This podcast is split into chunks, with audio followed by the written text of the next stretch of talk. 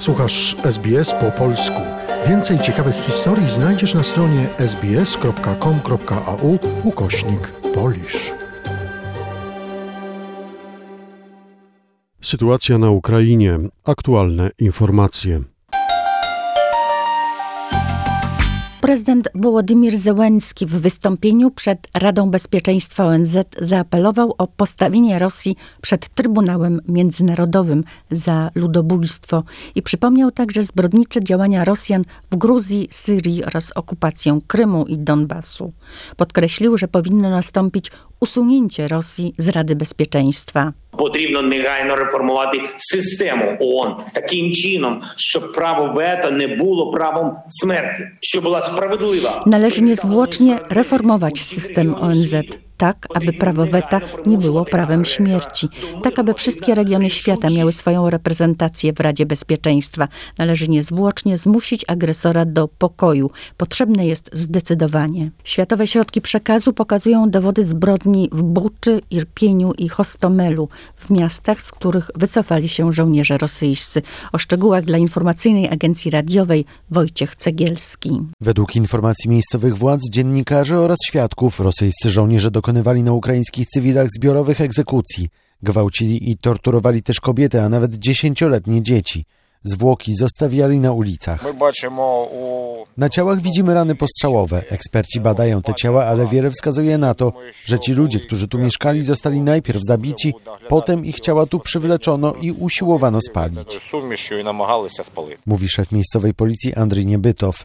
Ukraińska prokuratura twierdzi, że znaleziono już ponad 400 ciał cywilów, ale ta liczba stale rośnie. Zbrodnie wojenne odkryto też w pobliskiej Borodiance. Większość budynków jest tam zniszczona.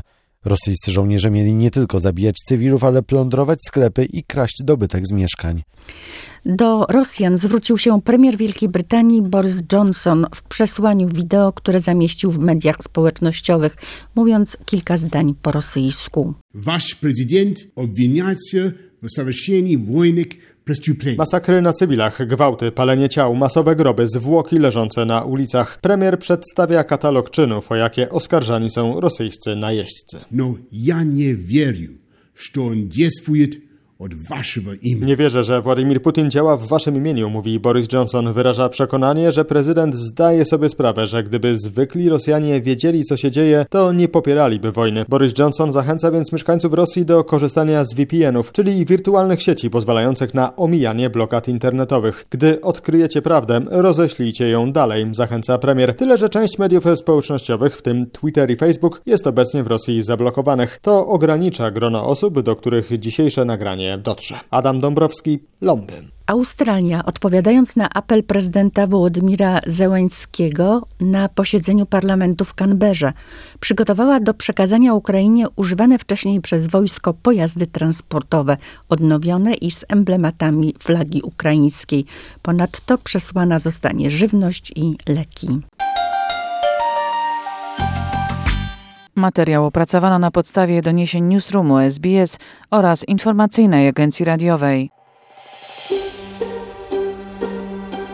Zainteresowało Cię? Chcesz usłyszeć więcej? Słuchaj nas na podcastach dostępnych w Apple Podcast, Google Podcast czy Spotify lub w jakimkolwiek innym, który używasz.